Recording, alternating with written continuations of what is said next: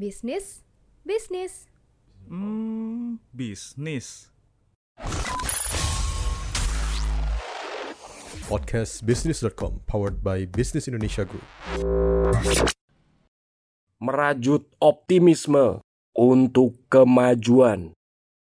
Selama 75 tahun menikmati kemerdekaan, tentu sudah banyak yang dilalui dan dihadapi oleh negara dan bangsa kita Kondisi baik dan buruk serta tantangan datang silih berganti dan mampu diatasi oleh pemerintah serta masyarakat Indonesia. Kali ini, tantangan bagi Indonesia dan seluruh negara di dunia adalah pandemi COVID-19. Upaya pencegahan penyebaran virus COVID-19 membawa konsekuensi terhadap banyak hal. Kehidupan sosial hingga kondisi perekonomian pun menjadi terganggu. Di tengah persoalan yang kerap mengadang gerak negara ini, kita tentu harus selalu bersyukur kepada Tuhan Yang Maha Esa. Karena negara yang diwariskan oleh para pendiri dan pendahulu mampu tetap berdiri kokoh. Tentu masih banyak kekurangan yang perlu diperbaiki. Tetapi ini bukan waktunya untuk terus menafikan kemajuan yang telah dicapai bangsa ini. Kita harus bangga bahwa Indonesia telah menjadi negara besar dan terpandang di Asia termasuk kemajuan perkembangan ekonominya. Kita punya modal yang banyak dan kuat untuk menjadi negara yang besar. Kita ingin Indonesia menjadi negara yang diharapkan mampu mencapai cita-cita kemerdekaan, yaitu mewujudkan masyarakat yang sejahtera, adil, dan makmur. Di sisi sosial, negara kita memiliki tiga hal yang dapat dibanggakan dibandingkan negara-negara lain. Modal besar itu adalah persatuan, gotong royong, dan kepedulian sosial yang dapat dimanfaatkan untuk keluar dari keterpurukan akibat pandemi COVID-19. Mengutip pernyataan Presiden Joko Widodo, perayaan kemerdekaan ke-75 pada tahun ini harus menjadi momentum penyatuan, kekompakan, dan ikatan sosial seluruh elemen bangsa Indonesia.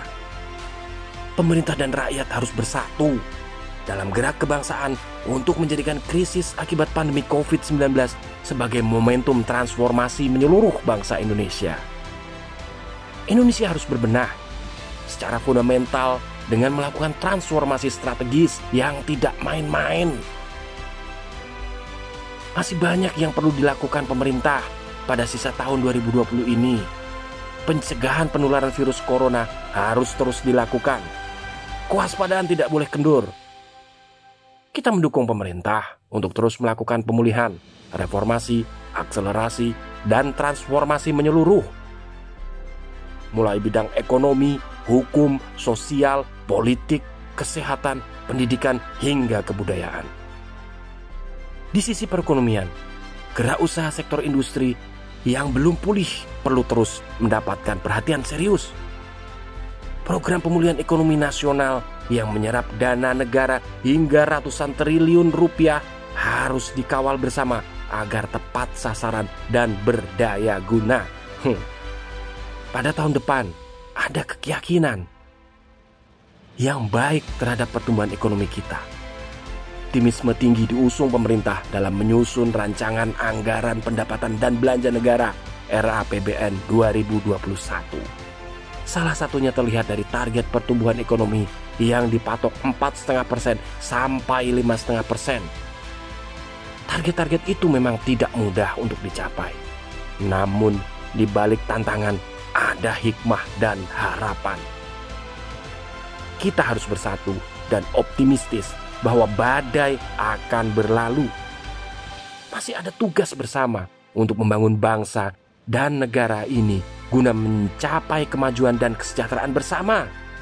Jika pada usia ke-75 tahun ini Indonesia telah menjadi upper middle income country, tentu kita layak berharap pada usia seabad nanti atau 25 tahun mendatang Indonesia telah menjadi negara maju. Oleh karena itu, jangan lupakan upaya membangun warisan yang baik sekaligus menyiapkan generasi penerus yang mumpuni untuk menjaga bangsa dan negara ini menghadapi masa depan.